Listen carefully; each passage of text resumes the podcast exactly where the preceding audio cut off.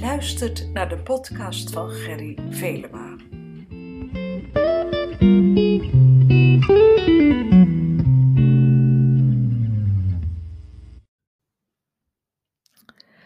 Lieve mensen, ik ga in deze podcast met je stilstaan bij vreugde ervaren als een schuilplaats.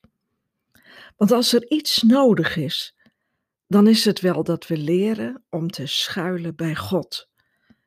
Ik geef deze bemoediging door in de naam van Jezus. En we zitten midden in de adventgebeuren en we vieren de geboorte van Jezus, zijn menswording op aarde. En we doen het ook nu in een tijd, zoals Jezaja 9 dat zegt, van grote donkerheid. Daar zagen de mensen een groot licht opgaan. Een groot verschil met dat donkere leven. En zo zien we eigenlijk ook in deze dagen uit naar dat licht van Jezus. Want het is voor ons ook een donkere tijd. En niet alleen omdat het december is, maar er is veel meer gaande in ons leven. Kijk naar de omstandigheden waarin we zitten. Omstandigheden met zoveel zorgen over corona. En ook vanwege de economische gevolgen van corona. En daarnaast, ja, daarnaast blijft toch eigenlijk ook onverminderd de druk van ons gebroken bestaan actief op ons drukken. Ja, we hebben Jezus nodig. We hebben Jezus nodig in ons leven. Ik heb Hem nodig. We vieren kerstfeest dit jaar heel anders dan vorig jaar. En er zullen dit jaar heel veel mensen alleen kerstfeest vieren.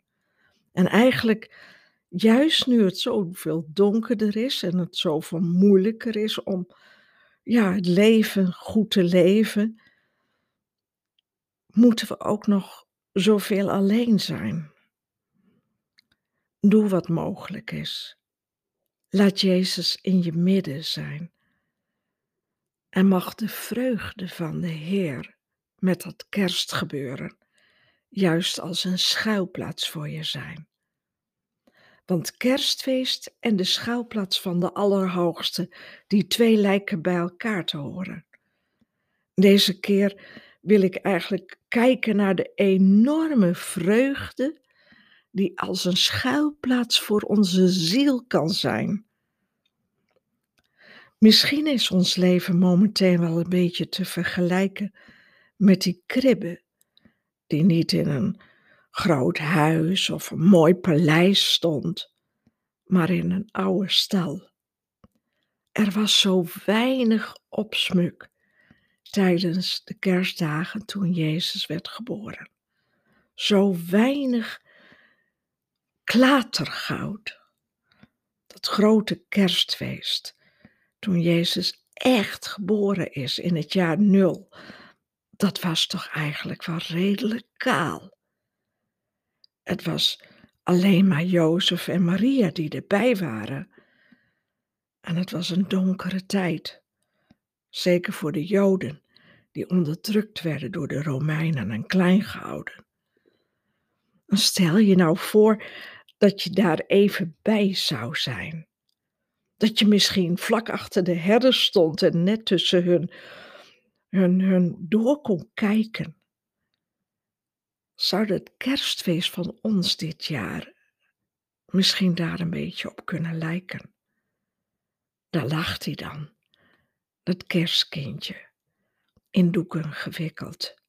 Geen knallenfeesten, geen spetterende lichtshows, om iedereen te laten weten dat Jezus was geboren. Geen duizenden mensen samen. Nee, geen honderden. Nee, eigenlijk maar drie. Drie mensen. Jozef, Maria en Jezus. Het was eigenlijk een echt coronaproof kerstfeest. En toen kwamen er herders. En wij ook. En we vonden de stallen en de kribben en het kind. En het was allemaal anders dan we verwacht hadden. Zo helemaal niet van onze tijd. Maar God zelf lag daar in de kribbe, kwetsbaar en klein. Hij werd zo'n heel echt aanraakbaar mens. En wat werden die herders daar blij van? Die knielden daar neer, vol ontzag, omdat ze er echt iets van begrepen. En jij ook? En ik ook. De hemel gaf ons haar mooiste schat. Vreugde als een schuilplaats voor je ziel. Het was daar te vinden op het veld van Ephrata, even hiervoor, hè, waar engelenkoren midden in de nacht alle donkerheid verdreven en God uitbundig alle lof toezongen. Het was echt alsof er hemelvreugde zo op aarde viel. En je zou het maar meegemaakt hebben. Je zou er maar bij zijn geweest. Dan zou je misschien iets meer weten van de schuilplaats die er juist in die hemelse vreugde ligt opgesloten. Paulus en Silas, die kenden in de gevangenis deze schuilplaats. Terwijl ze gevangen zaten, geknecht, en hoorden bij een volk wat in grote donkerheid was, gingen ze de schuilplaats binnen en begonnen God te lof, de lof te zingen. Deze schuilplaats verstopt geen mensen, maar herbergt mensen. En dan gaan gevangenissen open en wordt vrijheid om te leven, om te voelen, om te geloven, om echt te bestaan, om een kind van God te zijn, jouw deel. Er klinkt hoop in de schuilplaats van God. En engelen kondigden die verandering al aan. De heiland is geboren. Jezus bracht de verandering. Hij bracht en opende de weg naar het huis van God. En daar mogen wij ook op letten. Kom schuilen, want het zal je leven veranderen. Ik kwam in Nehemia 8, vers 10 dat bekende woord tegen dat de vreugde die de Heer geeft je kracht is. De hele tekst zegt: Wees niet bedroefd, want de vreugde die de Heer u geeft is uw kracht. Zie je de wenteling, de omwenteling.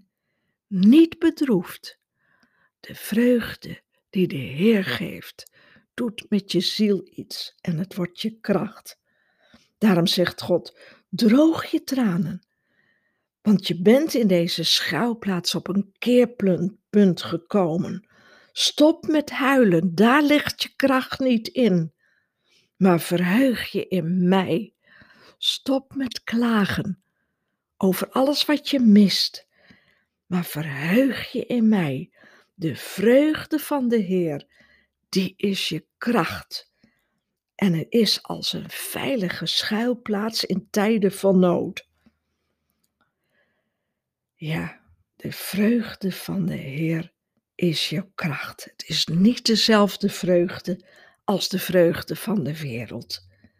En dan kan ik echt geloven dat al is onze kerst soberder, schraler misschien dan anders, en ook al missen we zo die, die, die prachtige vrijheid van het samen in de kerk komen en samen zingen, kerstfeest vieren in de kerk en in onze samenkomsten.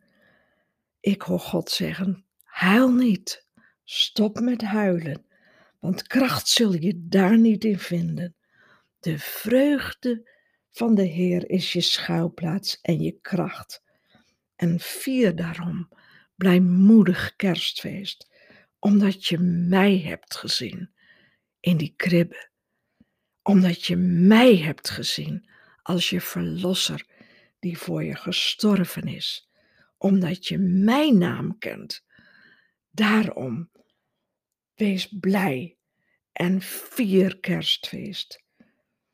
Daar word je blij van. Dit, zo kan dat kerstfeest worden van ons. En dat wens ik je zo van harte toe in dit jaar.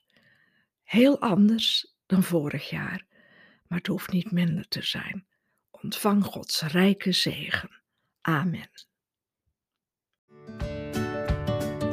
Je luisterde naar de podcast van Gerry Velema.